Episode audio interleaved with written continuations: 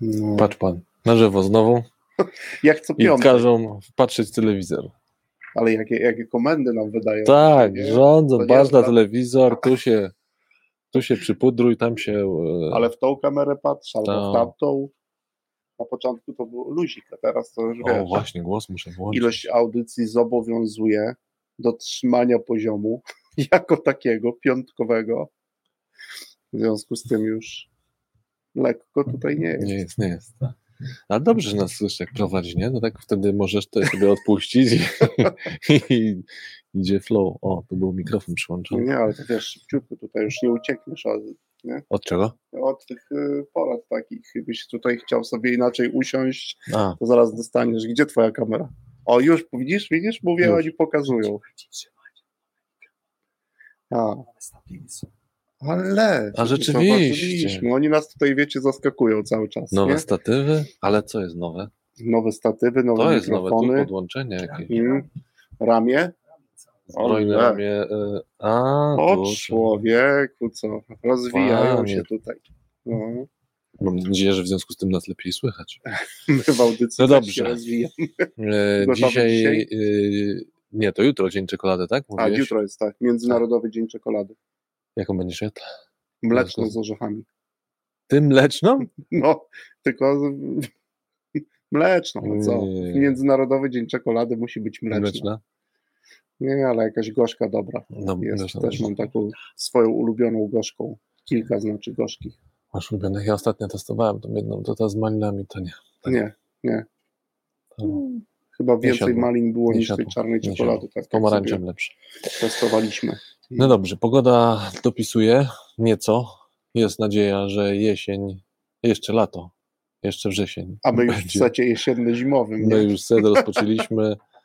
Monika e, Ale zadebiutowała, wtedy była jesień. ale wtedy była pogoda jesień. niż teraz. Teraz jest bliżej lata. O, Alex pisze nam, że tylko, że zdziwiony też, też się dziwi, że mleczną. No pewnie, że jak mleczną, tylko gorzka. Chociaż to jeszcze e, dyskusja musi się rozpocząć, czy gorzka 68, 70, 80? Alex, pisz, jaka gorzka? Jaka gorzka czekolada. No, są, są twardziele, którzy tam mówią, że ta dziewięćdziesiątki to, to nie, Że nie? nie to, to, już, jest- to już To już jest e, żywe kakao. nie jest to Bez- słodkie w każdym bądź razie. No, tak. No.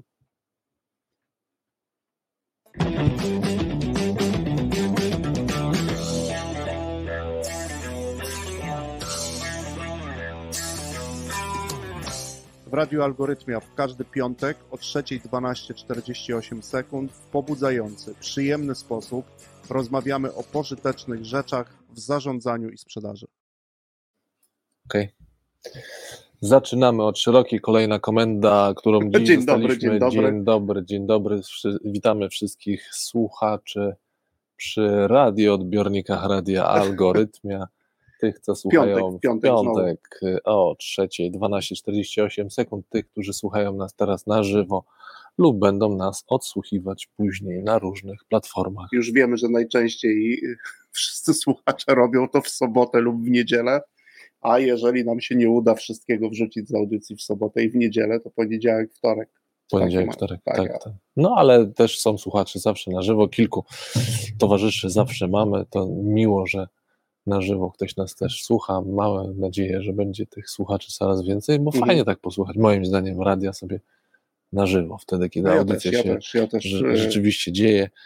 Na przykład już prowadzę sobie rozmowę tutaj na czacie z Aleksem, który czekolady. już przyznał się, że jednak to 80, jeśli chodzi o czekoladę, o moc czekolady, bo jutro dzień czekolady Tak, międzynarodowej. Międzynarodowy Dzień Czekolady. A słuchajcie, dzisiaj słuchacza drugi, druga odsłona Druga odsłona. tak, naszego e, setu. Nazwaliśmy go mocnego, także mamy nadzieję, że wciąż taki będzie. Mocny set jesienno-zimowy. I dzisiaj w drugim e, odcinku tego setu mamy gościa. Dzień dobry, Paweł. Dzień dobry, witajcie. Ja już mam pierwszą bezcenną lekcję z naszego dzisiejszego spotkania. Nie miałem pojęcia, że jutro jest dzień czekolady. A no tak, my dzisiaj my zupełnie przypadkowo śledząc e, sobie wpisy m, jednego z e, menadżerów zresztą pracujących w firmie, która produkuje czekoladę, też się o tym dowiedzieliśmy, że to jutro ten dzień, wiesz? No dobra, Paweł, a ty jaka czekolada, jeżeli jesz, to, to no, jaką? By, byle nie wyrób czekoladopodobny, bo ja z tych czasów, kiedy jeszcze pamiętam, jak to, jak to wyglądało, więc każda, każda. Każda. Każda byle nie czekoladopodobna.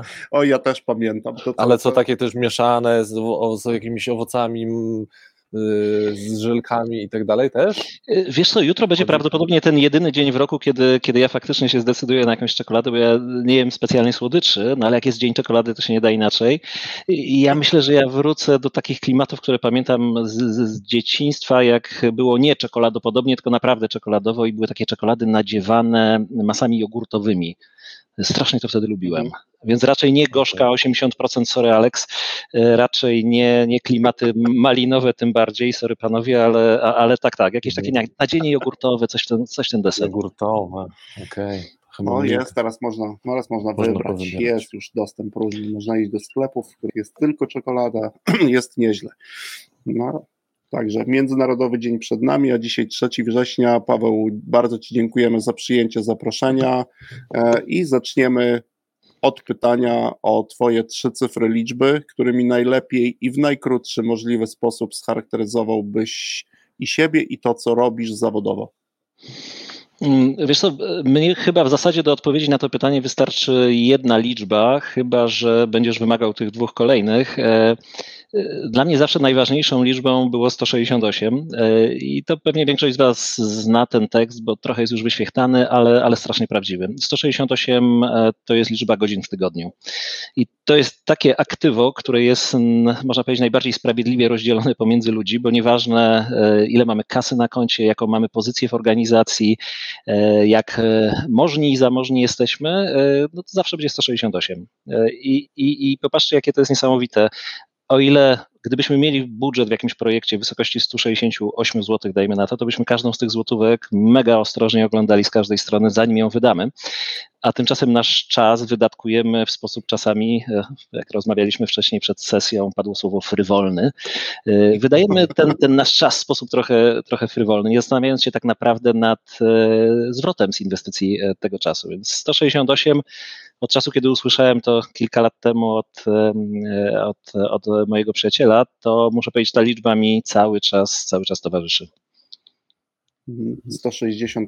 168, chociaż w, pierwszej, w pierwszym odruchu, jak zacząłeś mówić o 168, to jednak pomyślałem o autobusie, którym być może na przykład dojeżdżałeś w jakieś ważne dla ciebie miejsce. Y, a, a wiesz co, blisko, blisko, blisko. Jestem z Krakowa, wiesz co, jak jeździłem w Krakowie do mojej podstawówki, to jeździłem autobusem 128, więc w sumie... No tak. Niedaleko pada 128 od 168. Okej, okay, czyli 168, czyli pewnie gdzieś już dzisiaj zawadzimy e, o wątek pod tytułem, mm, no właśnie, to dobre spożytkowanie czasu czy też tak jak powiedziałeś, dobry z, e, e, mm, zwrot z inwestycji, zwrotu tak, z inwestycji, zwrotu tak. z inwestycji tego czasu. Mm, Paweł, ale jedną z rzeczy, które rzeczywiście y, tutaj y, staramy się w radiu robić, to jednak nie odpuszczać naszym gościom i jednak poprosimy Cię o dwie kolejne liczby, cyfry. O rany, to muszę się sekundę zastanowić. No, e, oczywiście, nie ale, się. Ale, ale wiesz co, to, to Kolejne, kolejne istotne dla mnie, e, istotne dla mnie mhm. liczby to jest 10. E, e, jest taka zasada dziesiątego człowieka. To oglądnijcie sobie, pewnie część z Was widziała film World War Z z Bradem Pittem. To jest film, wyobraźcie sobie o zombie. I tam jest bardzo pouczająca scena. Znaczy, można lubić albo nie lubić film o zombie, natomiast jedna scena jest pouczająca biznesowo, ponieważ w pewnym momencie Brad Pitt, który gdzieś tam gra jakiegoś agenta mm, Narodów Zjednoczonych, e, wybiera się do Izraela i rozmawia z dyrektorem Mossadu. Ratuje świat, w jednym słowie. No, ratuje, świat. świat. No, a cóż innego Brad Pitt robi w swoich filmach. miałby być Brad Pitt w tym filmie. E, natomiast e, to, to, to taka ciekawostka, ten dyrektor Mossadu, grany przez Ludi Bekena, to to jest taki mało znany aktor, który nie ratuje świata, on, on, z kolei mówi mu bardzo ciekawą rzecz. Bo pada pytanie, jakim cudem wy przewidzieliście tak nieprawdopodobny scenariusz, że wydarzy się właśnie jakaś taka apokalipsa zombie na Ziemi. E, I dyrektor Mossadu odpowiada mu następująco. Ponieważ my wielokrotnie wpadliśmy w pułapkę jednomyślności. Wiele razy w historii Izrael zgadzał się, czy też decydenci w Izraelu zgadzali się, że jakieś zjawisko nie może wystąpić, albo byli przekonani, że coś innego się zdarzy, no i okazywało się później, że się grupowo myliliśmy. Więc wprowadziliśmy zasadę mhm. dziesiątego człowieka, czyli takiej osoby, która w momencie, kiedy wszyscy się już ze sobą zgodzą, że wiemy, jaką decyzję podjąć, wiemy, co zrobić, e, no, wejdzie w buty adwokata diabła i będzie szukała, mhm. nawet jeżeli w to tak naprawdę nie wierzy, wszelkich możliwych dowodów, że jednak ta sytuacja wygląda trochę inaczej. E, no i znowu, to jest taka, taki element, który wydaje mi się, że e, w wielu momentach w moim życiu bardzo mi się przydał, gdzie udawało mi mhm. się zderzyć jakiś tam punkt widzenia, gdzie ja i moi koledzy krawaciarze, koleżanki krawaciary? Nie, jakoś inaczej to trzeba było powiedzieć, ale moi, nazwijmy to, przyjaciele świata biznesu byli przekonani, że wiemy, jak ten świat, jak, co się zdarzy, jak to będzie wyglądało, no a potem pojawiał się, e, no, mam takiego przyjaciela, w, tak, wiolonczelista Filharmonii Krakowskiej, no nie, i zadałem mu coś tam kiedyś pytanie, on mi mówi, no słuchaj, ja bym zrobił tak i tak. Wybałuszyłem oczy i mówię, no, ale dlaczego w ogóle? A jego punkt widzenia otworzył mi właśnie e, nową klapkę w głowie i pokazał, że jednak jest jakieś drugie dno w tym problemie, który nazbyt powierzchownie potraktowaliśmy. Więc e, dobra, wycisnąłeś ze mnie Konrad e, drugą liczbę, to będzie 10. drugą, tak.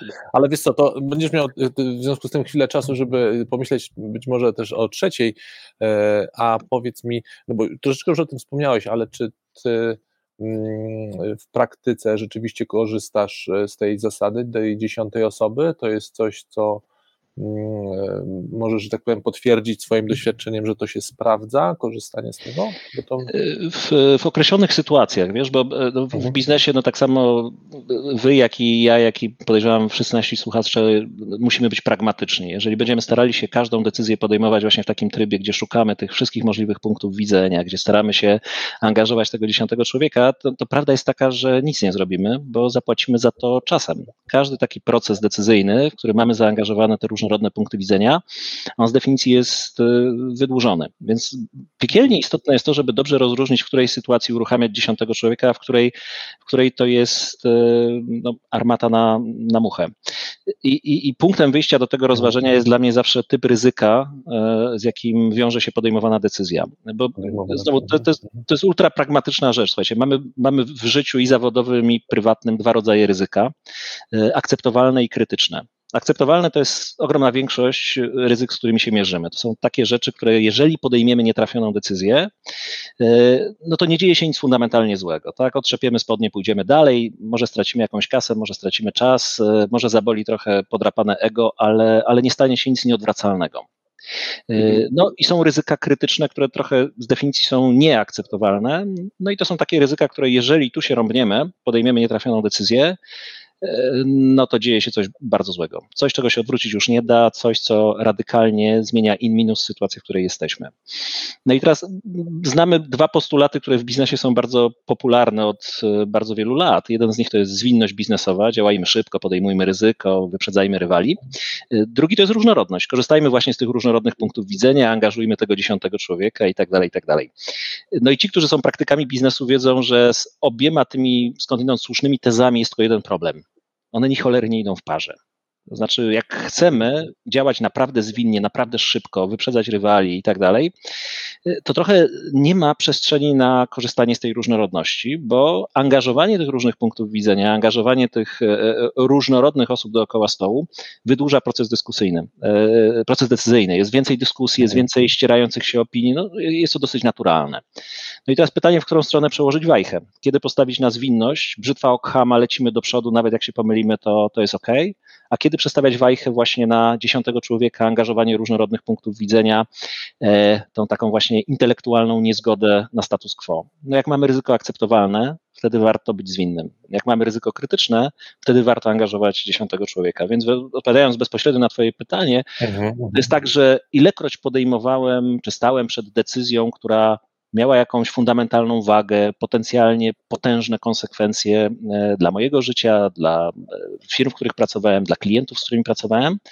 E, wtedy zabijałem sobie że tak powiem, skłonność do zwinności i do śpieszenia się. Wtedy właśnie to jest ten moment, kiedy trzeba powiedzieć, ja wiem, że jest presja czasowa, ale to jest za poważna decyzja, żeby ją podejmować bez udziału dziesiątego człowieka. No i wtedy ten dziesiąty się rewelacyjnie sprawdza i tak potwierdzam, stosuję to w życiu i e, na razie się na dziesiątym nie potknąłem. Wspomniałeś o dwóch, o podziale na dwa rodzaje ryzyk.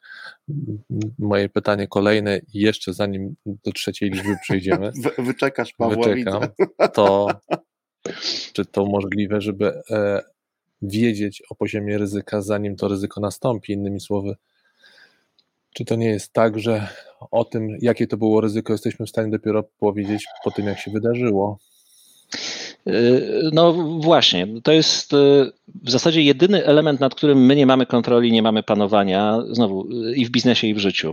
Ja natomiast wychodzę wiesz, to z takiego założenia, że patrz, patrz, myśląc o ryzykach, patrz na potencjalne konsekwencje, bo to jest w stanie ci e, pomóc e, skategoryzować te ryzyka, które na dzisiaj są jeszcze niejasne. Wiesz, e, prosty przykład. Jeżeli skaczesz, nie wiem, na bungee albo na spadochronie, robisz coś, co gdzieś potencjalnie może skończyć się źle, no to nie podejmuj ryzyka pod tytułem to ja nie sprawdzę sprzętu, jak jest poskładany spadochron i tak dalej, i tak dalej, bo może akurat tutaj tego ryzyka nie ma. No, w większości ogromnej przypadków oczywiście wszystko jest poskładane właściwie, wszystko będzie ok, ale y, popatrz z perspektywy konsekwencji. Jeżeli w tym jednym punkcie się pomylisz, y, sorry, nie będziesz miał drugiej próby.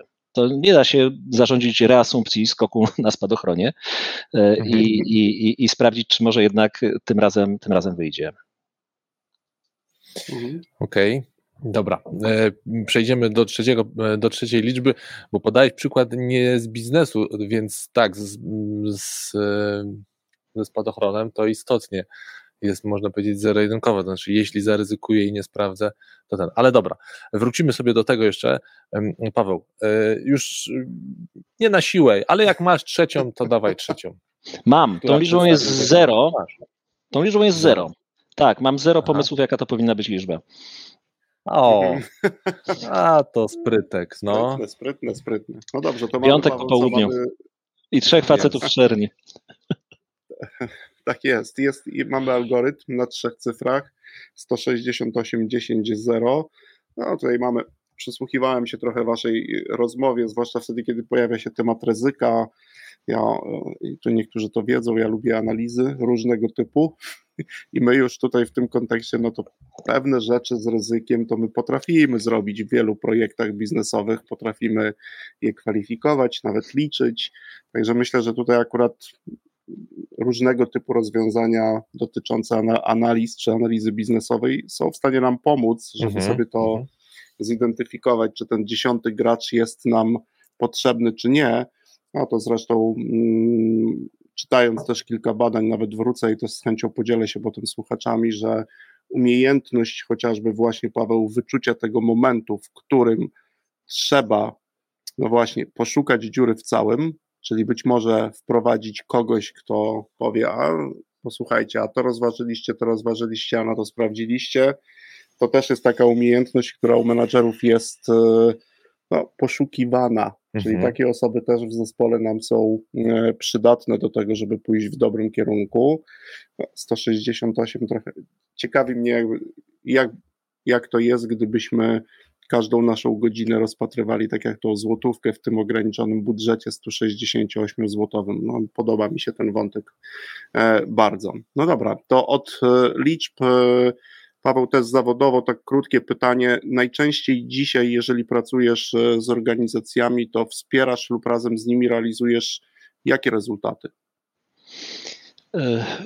Wiesz co, no, no, możemy podzielić to na, można powiedzieć, dwie kategorie. Co było gorące przed mhm. marcem 2020 i co się stało gorące po marcu 2020, bo tutaj no, nastąpi, nastąpiła pewna dosyć radykalna zmiana i to nie chcę, nie chcę patować w tej naszej rozmowie COVID-em, bo już jesteśmy zmęczeni chyba wszyscy tym tematem, lockdownami i tak dalej, falami, których nie wiem już ile było, ile będzie, mm, ale ten moment, kiedy w marcu 2020 doszliśmy właśnie do, do lockdownu pierwszego, to był niesamowity moment testu dla większości organizacji na kilku poziomach. Na poziomie tego, jaka jest ich zwinność strategiczna, na ile szybko potrafią się przeorientować, jeżeli chodzi o kierunek, który mają przyjęty na następne kilka lat. To był test przywództwa w tych organizacjach, na ile jesteśmy w stanie wziąć na siebie na różnych szczeblach zarządzania odpowiedzialność za to, co dalej. To był test dla rozwiązań systemowych różnego rodzaju, no, łańcuchy dostaw, które trzeszczały po prostu na wszystkie możliwe strony, wszelkiego rodzaju rozwiązania technologiczne, które musiały zostać błyskawicznie wdrożone. No, słuchajcie, z klientami, z którymi pracowałem przed marcem 2020, to jak zadawałem pytanie o transformację cyfrową, to najczęściej z takim lekkim zaczerwienieniem mówili, no, no, tak, tak, jest to bardzo ważny projekt, ale tak jakoś toczy się od lat, no i co, coś, coś tam robią chłopaki, nie? Y, to popatrzcie, co się zdarzyło w marcu 2020. No myśmy wszyscy się gwałtownie transformowali cyfrowo, przynajmniej w wymiarze pracy zdalnej w przeciągu tygodnia, dwóch, bo po prostu nie było innego wyjścia. Y, I teraz, jakiego rodzaju y, wyniki są, czy pojawiły się jako te najbardziej istotne, żeby je możliwie szybko dowieść?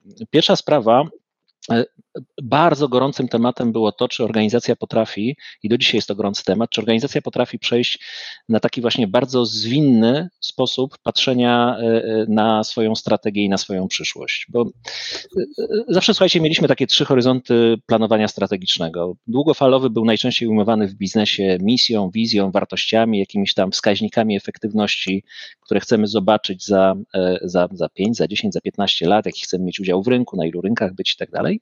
Mieliśmy horyzont średnioterminowy, potocznie nazywany strategią. To była odpowiedź na pytanie, to co w najbliższych 3, 4, 5, 6 latach zamierzamy robić, żeby urzeczywistniać misję, zmierzać w kierunku wizji, działać zgodnie z wartościami. No i horyzontem krótkoterminowym była odpowiedź na pytanie, dobra, skoro mamy tą 3, 4, 5, 6-letnią strategię, to na jakie priorytety musimy postawić w najbliższych miesiącach, w najbliższym kwartale, do końca roku, w pierwszym półroczu przyszłego roku i tak dalej.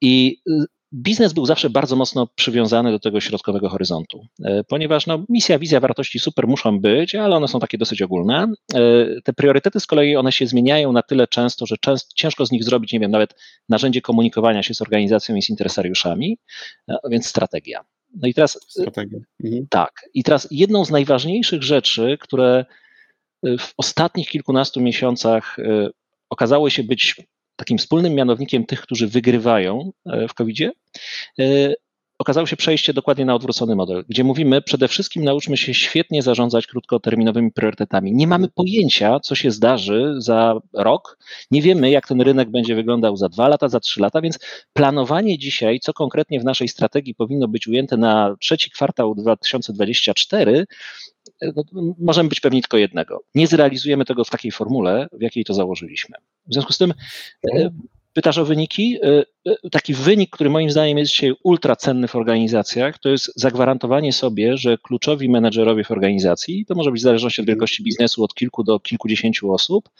mają absolutnie klarowny obraz tego, jakie są priorytety firmy na najbliższe miesiące i na najbliższe kwartały. Niekoniecznie tak, niekoniecznie co będziemy robili w drugim, trzecim, trzecim kwartale 2024, tylko co jest absolutnie priorytetowe dla firmy tu i teraz.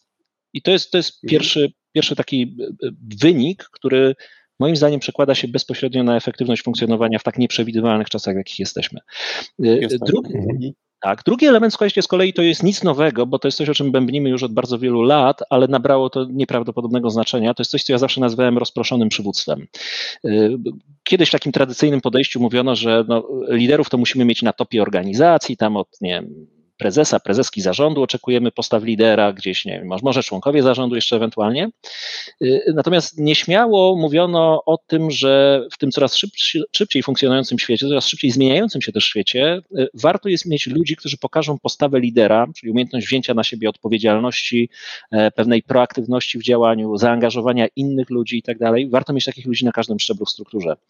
E, no i po marcu 2020 okazało się, że to, czy my mamy faktycznie tą taką kulturę rozpoczęcia, rozproszonego przywództwa, czy, czy, czy to funkcjonuje naprawdę w organizacji, e, to było, to, to, to było jedną z najistotniejszych rzeczy, o które firmy, firmy zaczęły walczyć, bo w tak nieprzewidywalnym świecie nie da się funkcjonować sprawnie, mając scentralizowane procesy decyzyjne na wysokich szczeblach organizacji, bo wtedy po prostu to zabija z definicji zwinność. No, jeżeli dzieje się coś mhm. Ultra ważnego na rynku, na co musimy błyskawicznie zareagować, a jednocześnie procedura decyzyjna jest tak ustawiona, że to musi przejść przez centralę gdzieś, nie wiem, w Nowym Jorku czy w, w jakimś innym ciekawym miejscu, na przykład w Europie Zachodniej i czekamy po prostu kolejne dni, kolejne godziny, aż przyjdzie ta decyzja, przyjdzie, przyjdzie jakaś akceptacja, to nie ma prawa działać.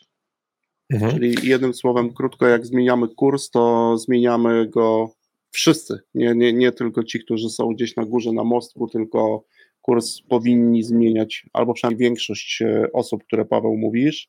Stawiamy małą kropkę, bo czas na, pierwszą, na pierwszy utwór muzyczny. Wracamy do tego wątku zaraz po pierwszym e, utworze.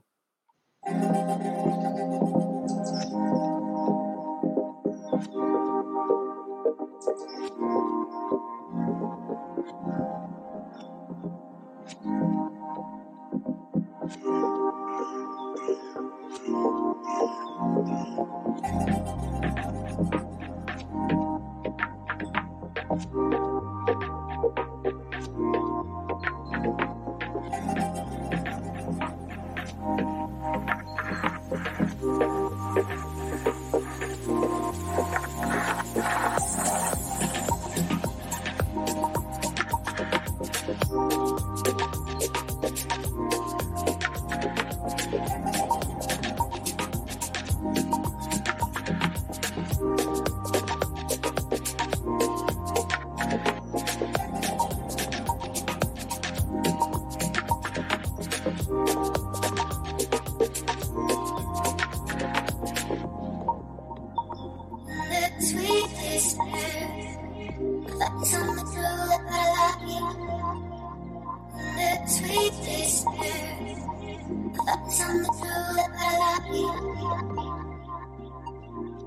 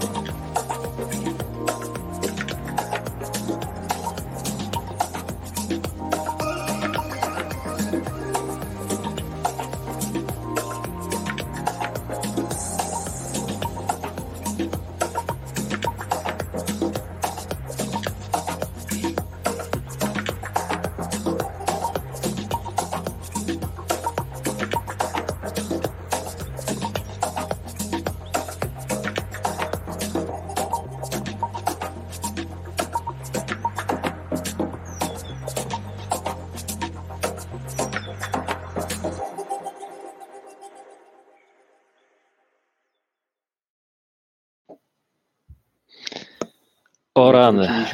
Tak Ale weekendowy kawałek. Coś no wiesz, to już piątek zobowiązuje. Czasami są weekendowe, czasami mniej, ale piątek zobowiązuje z reguły trochę już tak na takim, e, nazwijmy, e, chillowym, w chillowym stylu, chociaż od czasu do czasu zmieniamy ten tryb na mocno jazzowy, rockowy. E, tak, mm. Taką też tutaj muzykę lubimy. E, oddaję głos Konradowi, bo chciałeś, Konrad, widziałem, tak, tak e, wyciąłem cię tuż przed. poczekajcie, poczekajcie, poczekajcie. Nie, nie, nie, to nie będzie tak prosto. E, sekundę, Tristan, musimy wrócić do jednej rzeczy. Powiedziałeś no, przed, przed samym tym cudownie chillowym kawałkiem, powiedziałeś, że to jest tak, że ta organizacja, że wszyscy powinni w niej zmieniać jednocześnie kurs. Mhm. To jest trochę więcej niż to. To, to dokładnie, mhm. co powiedziałeś, to jest tak jakby wypadkowa tego pierwszego elementu, że wszyscy doskonale wiemy, co jest w danym momencie priorytetem, w którą stronę płyniemy, mhm. E, na czym się powinniśmy opierać.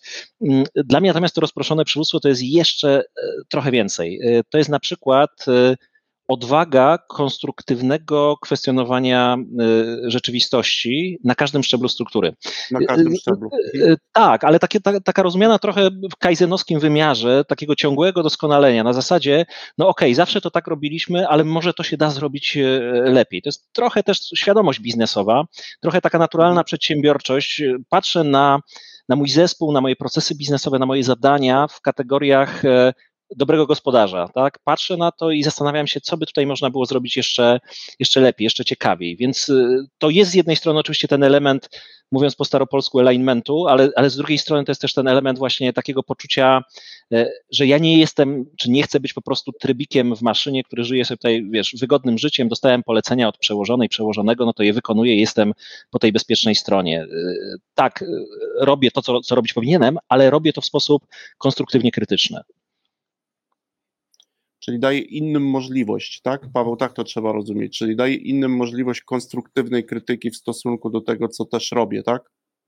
Tak, y, tylko ten element wymaga właśnie e, owej świadomości biznesowej. Wiesz, no, e, jeżeli dajesz e, swobodę decyzyjną i swobodę konstruktywnej krytyki komuś, kto nie rozumie na przykład dokąd płynie ta łajba, tak, i co jest ważne w tym rejsie, jak liczymy wynik, gdzie są centra kosztowe, tak, w jaki mhm. sposób dbamy o płynność finansową w organizacji, od czego ona zależy i tak dalej, i tak dalej, no to to jest trochę ryzykowne. Dlatego znowu kolejny wyświechtany frazes, ta świadomość biznesowa, opowiadanie ludziom na każdym szczeblu, w jaki sposób my działamy jako firma, e, z jakimi klientami pracujemy, jak oni są posegmentowani, e, jakie mamy strumienie przychodowe, e, gdzie generujemy tak naprawdę wynik, co jest ważne z perspektywy płynności. Znowu, popatrzcie, to jest piekielnie istotne z punktu widzenia rozpoznawania ryzyka krytycznego. No bo w, mhm. w biznesie tych ryzyk krytycznych może nie jest wiele, ale są one fundamentalne gwałtowna, jeżeli podejmiemy decyzję, która może za, zaowocować gwałtowną utratą płynności finansowej, e, no to podjęliśmy ryzyko krytyczne. E, I mhm. tak dalej, i tak dalej. To chciałem tylko doprecyzować, wiesz, twoją uwagę sprzed Nie, jest, jest, jest okay, precyzja wskazana, precyzja, precyzja wskazana. wskazana. My też jesteśmy z tej szkoły jakby precyzyjnego formułowania tego, o czym mówimy, ale też nawet, a już przede wszystkim tego, co robimy e, w organizacjach. I też od razu takie pytanie, bo Oczywiście nieustanne uświadamianie, czyli mówienie o tym, co jest dla nas ważne w krótkiej perspektywie, o tym, co wspominałeś, Paweł, ale takie pytanie, bo my tu mamy, wiesz, mamy taką przyjętą formułę, że jeszcze oprócz nas tutaj mm, jest menadżer, taki menadżer, który sobie mm, siedzi i on słucha, Paweł, tego, co mówisz, na takie pytanie mam w jego imieniu, on kieruje je do ciebie, a jak mhm. zainicjować, co powinien zrobić menadżer, by jakimś działaniem, działaniami dać ludziom sygnał, że to jest dobry czas na to, że możecie otwarcie krytykować to, co robimy. Od czego byś zaczął i co byś takiemu menadżerowi powiedział? Yy, już mówię, wiecie, to zależy zawsze z, z, jakiego punktu wychodzimy, bo jeżeli e, mhm. mówimy teraz o silnie hierarchicznej organizacji, która ma taką kulturę, nazwijmy to, to trochę, trochę wojskową, budowaną przez całe mhm. dziesięciolecia e, i menedżerowie raczej w tej organizacji są, nazwijmy to, bardziej autorytarni, e, no to nagły zwrot o 180 stopni i otwarcie dłoni, powiedzenie, chodźcie, opowiedzcie mi teraz, co robię do kitu, nie? To, to, to, to nie zadziała, tak? Więc zawsze trzeba sprawdzić, z którego punktu wychodzimy. Y, druga sprawa, y, ja absolutnie nie zachęcam nikogo do tego, żeby zaczynał radosny eksperyment pod tytułem teraz sobie pokrytykujmy cały wszechświat dookoła. Ludzie są w tym świetni, tylko rzadko bywa to mhm. konstruktywne. Więc ja najczęściej proponuję moim klientom, firmom, z którymi pracuję, różnego rodzaju inicjatywy wewnętrzne w formie bardzo często warsztatowej, które dają ludziom bezpieczną przestrzeń na nauczenie się myślenia krytycznego. Bo to, to wbrew pozorom to, to, to nie jest taka prosta i oczywista rzecz. Krytyka to jeszcze nie jest myślenie krytyczne. To myślenie krytyczne musi być, musi być ujęte w pewne ramy i te ramy można dać w trakcie warsztatu. Zresztą Słuchajcie, mogę Wam opisać e, przykład ćwiczenia, które uwielbiam robić z zarządami firm, e, a które, które jest właśnie taką przestrzenią e, dla, dla myślenia krytycznego. To jest, słuchajcie, to jest ćwiczenie pod tytułem Zabij swoją firmę. Mhm zbieram sobie ekipę zarządzającą z jakiejś organizacji. E, staram się, żeby to było tam zarząd plus e, jakieś tam kluczowi dyrektorzy, e, ewentualnie spe, specjaliści z jakiegoś wysokiego szczebla na stanowiskach niemenedżerskich. Dzielę taką grupę kilkunastu osób na przykład na trzy teamy i daję im prosty scenariusz. Wyobraźcie sobie, że wasza firma strasznie podpadła jakiemuś zamożnemu człowiekowi. No tak po prostu na gruncie czysto emocjonalnym. I ten człowiek się wkurzył, stwierdził, że musi was wykopać z biznesu, a że jest zamożny, no to w związku z tym postanowił założyć założyć firmę, która stanie się waszym perfekcyjnym wrogiem. Nie będzie miała ambicji podbicia wszechświata, będzie miała tylko ambicje dokopania wam. E, no i ten zamożny człowiek jednocześnie e, wyciągnął was z tej organizacji. Świetnie wam zapłacił, no i powiedział: zaprojektujcie taką właśnie firmę, która zaszkodzi waszej dotychczasowej firmie. E, oczywiście nigdy w życiu byście tego nie zrobili, ja to rozumiem, ale przyjmijmy na potrzeby tego ćwiczenia. No i ci ludzie, powiem wam, świetnie się wkręcają w to ćwiczenie, projektują tego perfekcyjnego wroga i to tak po kolei, cały model organizacyjny, strategia, to jaką będziemy mieli ofertę produktową, jak chcemy, jaką ofertę wartości dla interesariuszy chcemy zaproponować. To ćwiczenie może trwać nawet cały dzień. Oni sobie pracują w tych podgrupach, tworzą tego perfekcyjnego wroga. I powiem wam, jest taki magiczny moment, kiedy najpierw się świetnie bawią, no bo nic fajniejszego niż dokopać własnej firmie, y, ale potem nagle żedną im miny, bo zaczynają sobie zdawać sprawę, że tworzą tego perfekcyjnego wroga poprzez wykorzystanie najsłabszych stron swojej organizacji, nawet takie, które są tematami tabu. Nie, nie rozma- wszyscy wiedzą, że jesteśmy w tym słabi, ale no o tym się nie mówi głośno, tak? z różnych przyczyn. Ale jest jeszcze jeden trik e, w tym ćwiczeniu. Oni później prezentują tych perfekcyjnych wrogów. Okay? Pokazują właśnie, jak nazwaliby taką firmę, jak ona by wyglądała, jak by działała i dlaczego byłaby dla nas śmiertelnie groźna. Kończą swoje prezentacje najczęściej bardzo dumni, jak to byliśmy kreatywni, jak żeśmy krytycznie spojrzeli na naszą organizację. A ja ich wtedy pytam, czy mają jeszcze 30 minut. E, mają, bo to jest uwzględnione w agendzie. I wtedy wpuszczam na salę grupę, która pracowała równolegle nad identycznym tematem, o czym zespół zarządzający nie wiedział. I to jest grupa, którą wybieram z High Potentials. Z pracowników o relatywnie krótkim stażu, młodych wiekiem, najczęściej takich młodych, gniewnych właśnie gdzieś z dolnych szczebli w organizacji. I, I, oni pokazują swojego perfekcyjnego wroga. Jaką firmę oni zaprojektowali. I powiem Wam tak, w dziewięciu przypadkach na dziesięć ta ostatnia prezentacja jest znacznie bardziej bezczelna, agresywna, ambitna, agresywna. tak, mhm. i znacznie bardziej niebezpieczna niż to, co e, rozkminił po całym dniu pracy zespół zarządzający. Więc to, mhm. to jest przykład jednej z bardzo wielu technik, jak można tworzyć właśnie taką bezpieczną przestrzeń do krytycznego myślenia, ucząc jednocześnie ludzi, że to jest coś dobrego. Tylko, że to musi być konstruktywne oczywiście, bo na końcu dnia musimy z tego wyciągnąć wnioski i udoskonalić tę firmę, w której cały czas jesteśmy. Paweł, a Twoim zdaniem dlaczego ta e, w dziewięciu, jak mówisz, na dziesięć przypadków ta druga wyprodukowana przez High Potential, ten wróg potencjalny, to, to bardziej bezczelna i wredna wersja niż ta zarządowa? Tristan, to chyba pytanie retoryczne mi zadałeś teraz. E, nie, no słuchajcie, no, przecież to, to, to powiem, powiem, powiem, wam tak, dlaczego? Dlatego, że e, weszliśmy, nie wiem, kilka, kilkanaście lat temu w świat, gdzie doświadczenie zawodowe, to ile mamy lat doświadczenia na koncie w naszych karierach, y, to coraz rzadziej zaczyna być dobrą wiadomością, bo coraz częściej jest tak, że jak ja mówię na przykład 25 lat jestem w biznesie, nie? Y, to mhm. tak naprawdę te pierwsze 15 jest kompletnie nieadekwatne już do dzisiejszej y, rzeczywistości. Ono jest tam mhm. cenne, bo mnie uformowało mój charakter, dało mi jakąś wiedzę, jakieś doświadczenie, ale tak naprawdę ten świat się zmienia w takim tempie, że z coraz mniejszej liczby rzeczy, które wówczas nabyłem, można dalej korzystać. Świetnie się sprawdza, słuchajcie, coś takiego jak reverse mentoring. Nie wiem, czy próbowaliście mhm. odwróconego mentoringu, gdzie no, zabija się tak naprawdę tradycyjny model, gdzie to ten stary, doświadczony, siwowłosy guru e, pomagał młodemu adeptowi wejść e, w, w trudny świat, pokonywać przeszkody. Dzisiaj coraz częściej jest tak, że to właśnie 20-25-latkowie są w stanie nam powiedzieć dużo więcej o zachowaniach konsumenckich pokolenia Z na przykład, albo o tak zwanych technologiach wykładniczych, e, blockchain, sztuczna inteligencja, sieci neuronowe, e, VR, AR, tego typu rzeczy, niż, e, niż ludzie z 25-letnim doświadczeniem w biznesie. I mhm. dlaczego? dlaczego jeśli, nie no? jeśli nie doświadczenie, to co, w tak, to co w zamian? Bo mówisz o tym, że sam trochę jakby długość doświadczenia, że długość doświadczenia może mhm. tracić na znaczeniu. To no co zyskuje na, na znaczeniu według ciebie? Konrad, dwie rzeczy. Mhm. Mhm. Mów, mów, Przepra przepraszam, Tristan, no? Ja tylko chciałem uzupełnić, że to o długość jakby, bo mówimy o długości doświadczenia, a w przypadku tych często bardzo młodych ludzi to jest też tak zwana głębokość doświadczenia. Oni potrafią w krótkim czasie zainteresować się jedną kwestią, no i właśnie blockchain, i nagle zaczyna słuchać człowieka.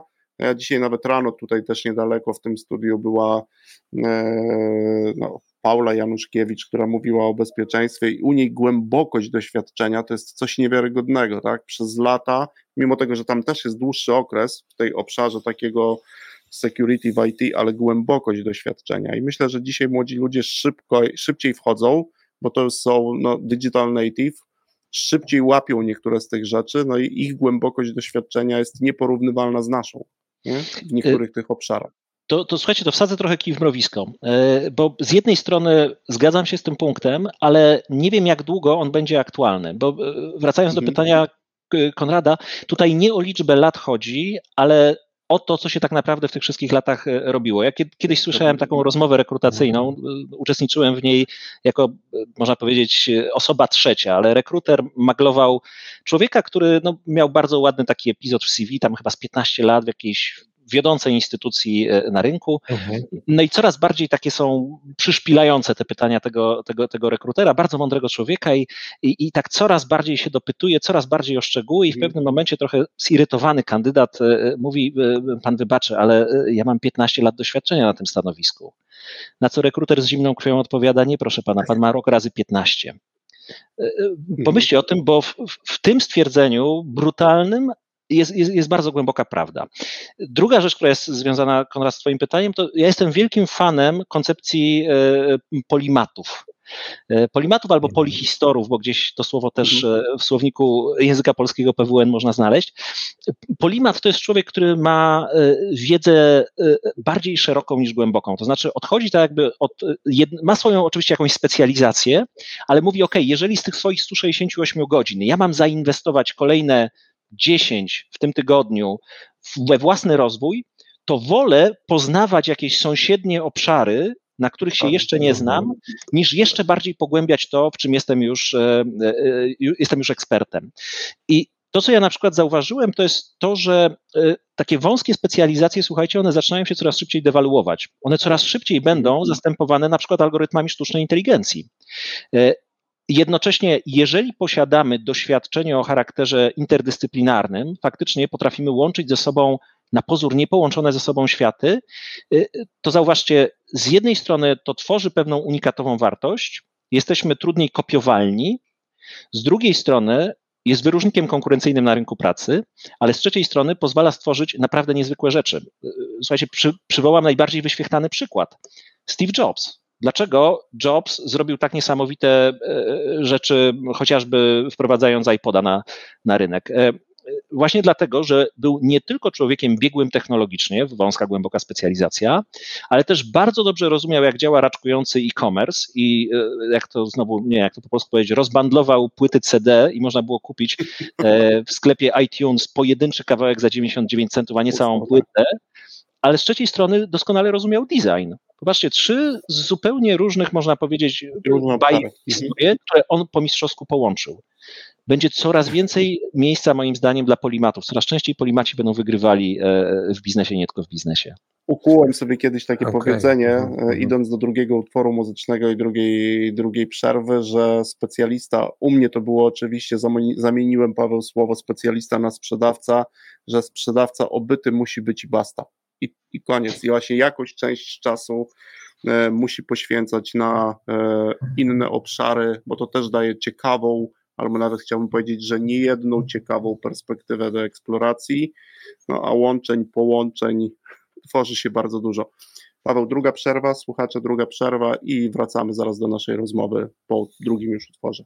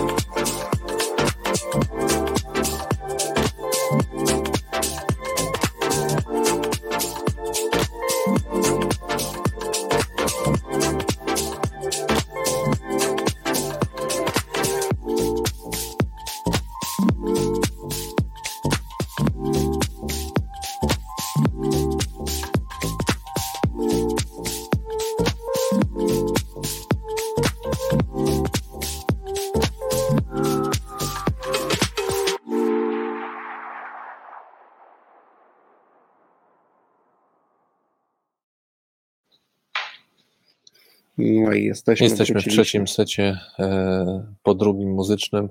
E, Paweł, ja bym bardzo chciał Cię dopytać i od razu przechodzę do pytania, bo wspomniałeś, rozumiem, że ten Twój e, kij w mrowisko, o którym mówiłeś, to było trochę do tezy Tristana co do specjalizacji, do tej głębokości wchodzenia w specjalizację.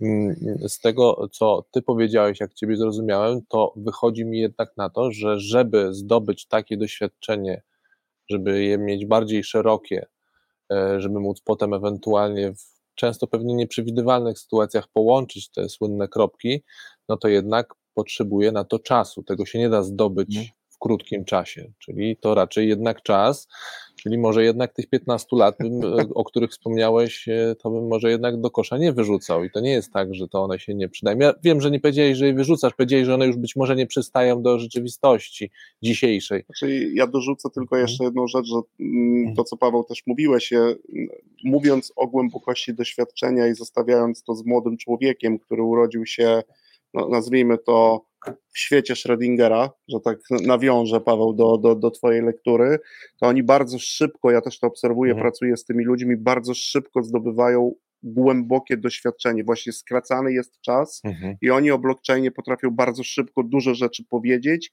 i znaleźć od razu jego praktyczne zastosowanie. To, to są okay. moje obserwacje. Mhm. Pewnie trzeba byłoby to pogłębić x większą ich ilością, ale tak też jest. To już... Y, mi tylko pojawiło się inne słowo, no, że rozumiem, że tak jak kiedyś się mówiło, że człowiek renesansu, to być może to jest jakiś powrót do, do, do, do tego. Człowiek y, renesansu jednak. Wiesz co, tak, to jest, to jest dokładnie to i wiesz, ja nie mówię, że doświadczenia, które żeśmy zebrali, one są e, nieistotne i że nie wiem, te 25 lat, czy 15, mhm. czy 5 lat doświadczenia to, to, to nie ma swojego znaczenia.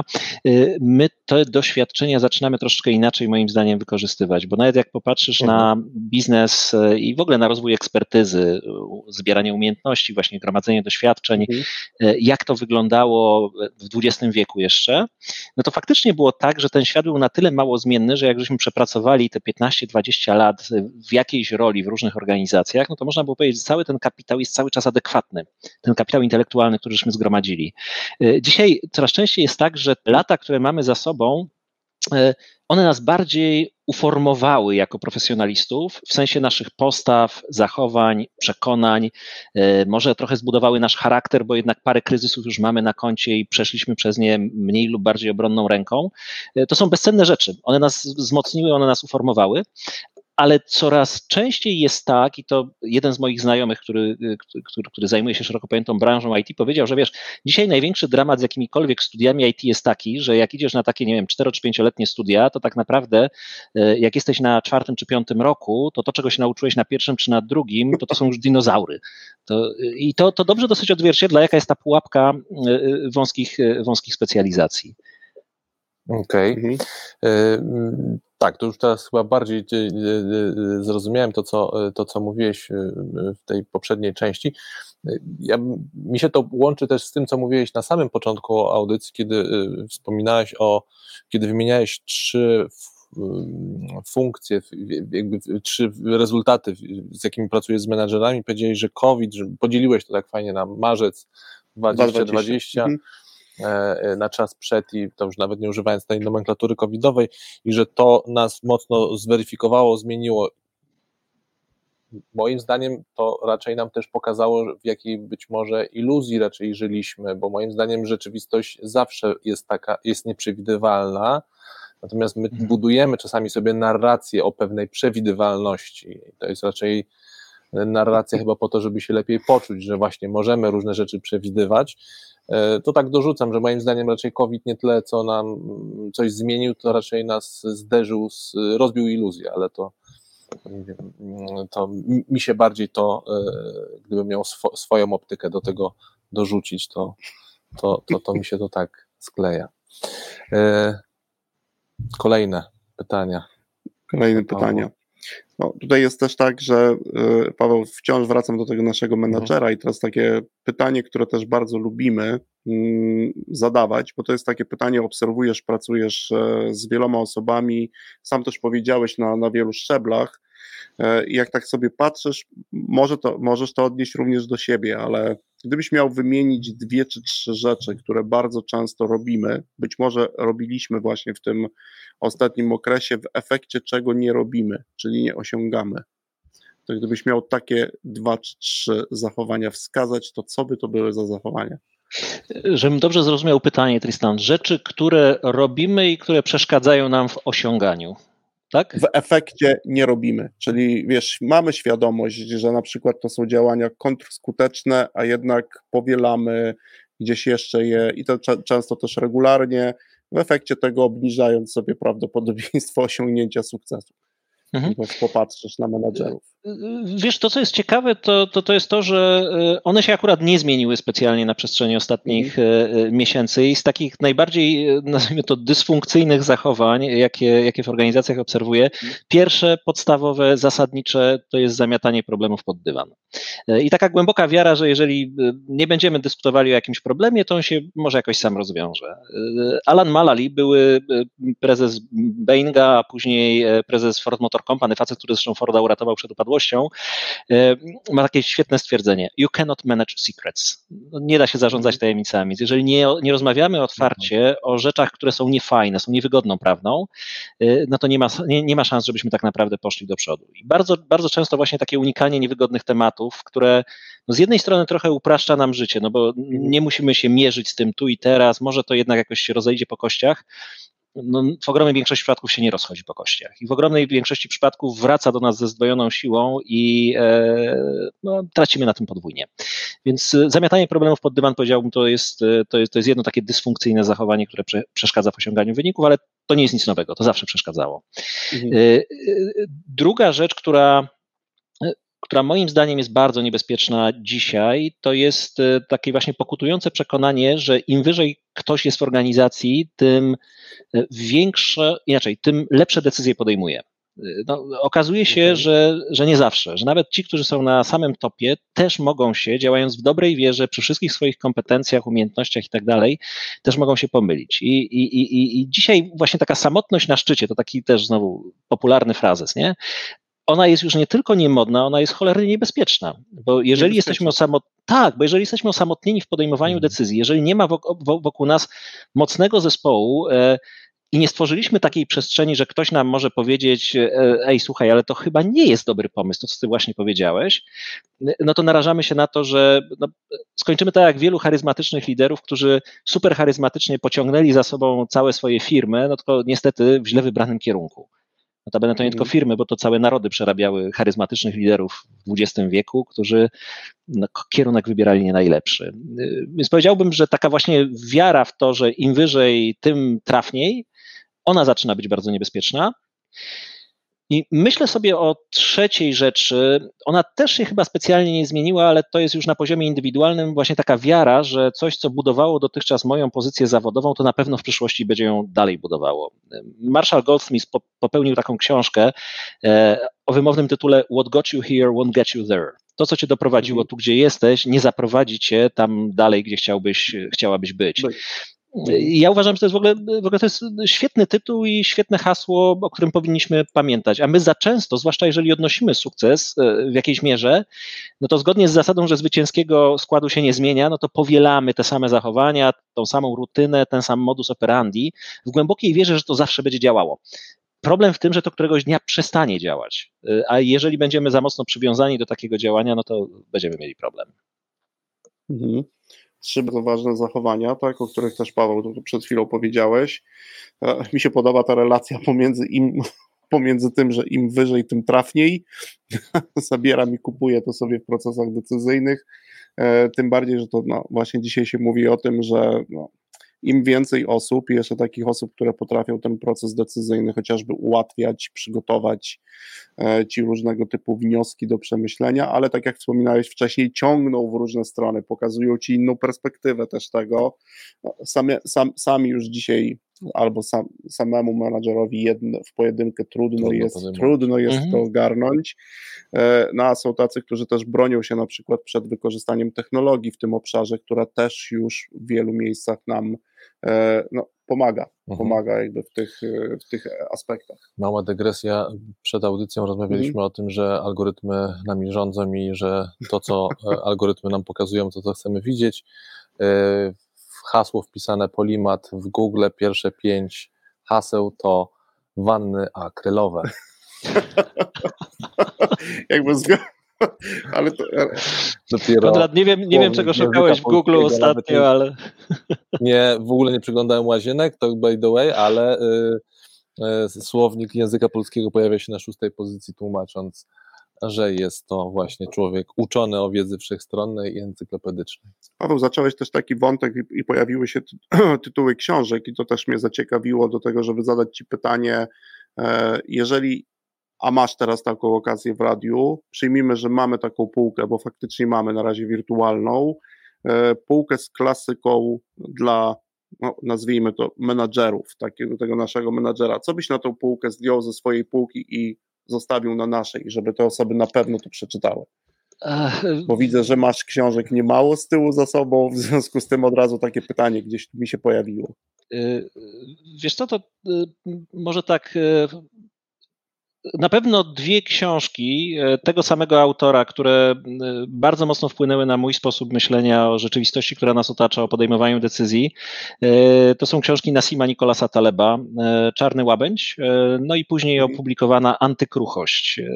Sam Taleb wyżej ocenia antykruchość. Na mnie największe wrażenie zrobił Czarny Łabędź, bo naprawdę uporządkował całą masę rzeczy, które w procesach decyzyjnych są no, krytycznie ważne jednocześnie prowokując dosyć mocno intelektualnie.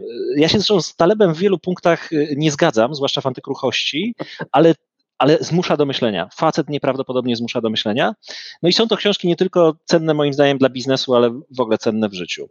Y, pewnie nie będzie wielkim dlaczego zaskoczeniem. Proszę? Paweł, wiesz dlaczego przy Talebie się uśmiechamy z Konradem? Ponieważ pomysł na radioalgorytmia jest związany z Talebem i z naszymi rozmowami o jego książkach w pociągu, kiedy wracaliśmy z podróży. E, wiesz, takich biznesowych, właśnie kiedy razem realizowaliśmy już, chyba pierwszy projekt wtedy razem, tak, robiliśmy. Tak, tak. I wiesz, Taleb był kur i tam ten wyciągnął, wiesz, jedno zdanie, ale nie, no gdzie, ja się z tym nie zgadzam. I tak zaczęło się... nas męczy. Taleb, Taleb nas, męczy. ale takim, no, tak, pełna zgoda co do tego, że on jest intelektualnie wyzywający, chociaż y, to oczywiście tylko na marginesie, bo być może to jest znowu mhm. na kolejną audycję, a może wtedy właśnie zrobimy tą audycję też wspólnie z Pawłem, e, ponieważ e, Zmierzyć się są, są głosy, że to jednak to wszystko, co pisze Taleb, to jednak taka trochę e, ściema intelektualna, dobrze ukryta, ale to broń Boże nie otwieram wątku, chociaż Dobra, to dawaj trzecią książkę. Wiesz co, to komentarz tylko a propos Taleba, to e, ja ci powiem tak, e, na końcu dnia e, ja mam w nosie, czy to, co on pisze, to jest ściema, czy nie, czy on ma rację w 100%, w 90% czy w 15%, ale zmusza do myślenia. A to jest, to jest rzecz absolutnie bezcenna. Zmusza do innego spojrzenia na rzeczywistość, która wydawała się w jakiejś mierze poukładana. Dodaje też pewne kafelki, których wcześniej brakowało. I pod tym względem nie interesuje mnie, czy na końcu dnia zostanie uznany za nie wiem, przełomowego myśliciela naszych czasów, który na zarządzanie ryzykiem spojrzał w zupełnie nowy sposób. Nie, dla mnie, dla mnie po prostu to jest inspirator do tego, żeby przejść przez jakąś własną ścieżkę e, myślową i wypracować coś więcej niż się wiedziało wcześniej, więc pod tym względem polecam bardzo mocno. E, to Uzupełnię tylko nie polecam jego pierwszej i ostatniej książki. To może was teraz tą e, łyżką dziegciu w beczce miodu e, sprowokuje. E, Fooled by Randomness, nie wiem jak to był polski tytuł, wydaje mi się strasznie hermetyczną pracą. Przez losowość. Tak, zwiedzanie przez losowość. Jejku, nie, nie mogłem przez to przebrnąć. Może, może dlatego, że ja nie jestem tak przywiązany do liczu jak wy panowie, ale, ale strasznie to było ciężkie. A z kolei ostatnia jego książka, Skin in the Game, ona, ona jest jakimś w ogóle potworem potwornym gejzerem jego ego, bo pół książki jest tak naprawdę o tym, jak to wszyscy go nienawidzą za to, że mówi prawdę. E, I, i to, to, jest jakby myśl przewodnia. To jest myśl przewodnia tej książki. Tak, tak. E, e, trzecia książka, którą bym polecił na pewno to, to modny bardzo Harari ostatnio. Jeżeli ktoś nie ma styczności wielkiej z technologiami, a chce zrozumieć, w jaki sposób e, technologie zrewolucjonizują nasz świat, no to e, Homo Deus jest e, lekturą obowiązkową, bardzo fajna rzecz. A już tak stricte z procesów decyzyjnych, dwie książki, które uwielbiam, no to oczywiście Daniel Kahneman, słynny noblista mhm. o myśleniu szybkim i wolnym. Jak się człowiek to wczyta, to naprawdę otwierają się niesłychanie klapki w głowie, dlaczego tak, a nie inaczej reagujemy w różnych sytuacjach, dlaczego bardzo często pułapki psychologii społecznej wpychają nas w niewłaściwe decyzje. Yy, no i ja, ja bardzo lubię yy, Davida Eaglemana i jego książkę Incognito. Polski tytuł chyba był Mózg, czy Incognito, Mózg w swojej głowie, coś w ten deseń. Yy, można to znaleźć. Bardzo, bardzo dobra książka z kolei o neuronauce. Co wiemy o funkcjonowaniu naszego mózgu, co się nam dzieje na połączeniach synaptycznych, kiedy na przykład podejmujemy decyzje w warunkach, w warunkach stresu. No i niezmiennie paragraf 22 Józefa Hellera, ponieważ jest to znakomita książka nie tylko o biznesie. Tak jest. O sprzedaży też tam nie jedna rzecz jest dobra. Jak chcę przeczytać, ja też e, lubię bardzo paragraf 22. Paweł, e, tym samym chcę powiedzieć i podziękować Ci za tą audycję, bo właśnie minęła godzina i to myślę, że taka godzina z tych 168, którą ktoś dobrze gdzieś, spożytkowana. dobrze spożytkowana, E, ciekawe w tej, w tej rozmowie, tak na koniec, to też dla słuchaczy i też Paweł dla Ciebie, że przez zupełny przypadek e, w tej rozmowie, kiedy mówiłeś o tym, a my nie znamy się aż tak dobrze, ale mamy wiele rzeczy, które gdzieś, nie, ale przynajmniej podobnie. My też na przykład kiedyś w pewnym klubie, który kiedyś prowadziliśmy, stosowaliśmy metodę Kill Your Business.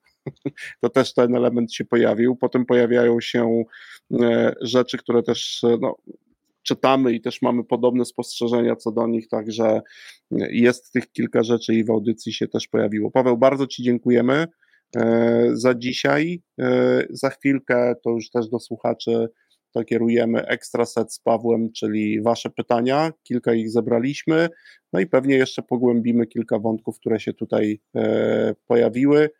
Paweł, a co ty byś powiedział na koniec naszym słuchaczom? Słuchajcie, tyle, że po pierwsze bardzo dziękuję za zaproszenie. Bardzo mi jest miło, że poświęciliście właśnie swoją godzinę z tych 168, które mieliście w tym tygodniu e, na spotkanie z Radiem Algorytmia i co? Trzymam kciuki za same trafne decyzje. No, dziękujemy. dziękujemy w imieniu naszych słuchaczy, wszystkich słuchaczy. Co, zapraszamy oczywiście na e, ekstra set, który jest do obejrzenia E, już na naszej stronie. No i zapraszamy w przyszłym tygodniu na kolejną odsłonę Radia Algorytmia, na oglądanie naszego profilu, e, bo tam zapowiadamy naszych gości e, i do zajrzenia w ramówkę, bo ramówka już jest przygotowana na set jesienno-zimowy. Paweł, jeszcze raz dziękujemy i do zobaczenia. Cześć. Bardzo dziękujemy. Cześć.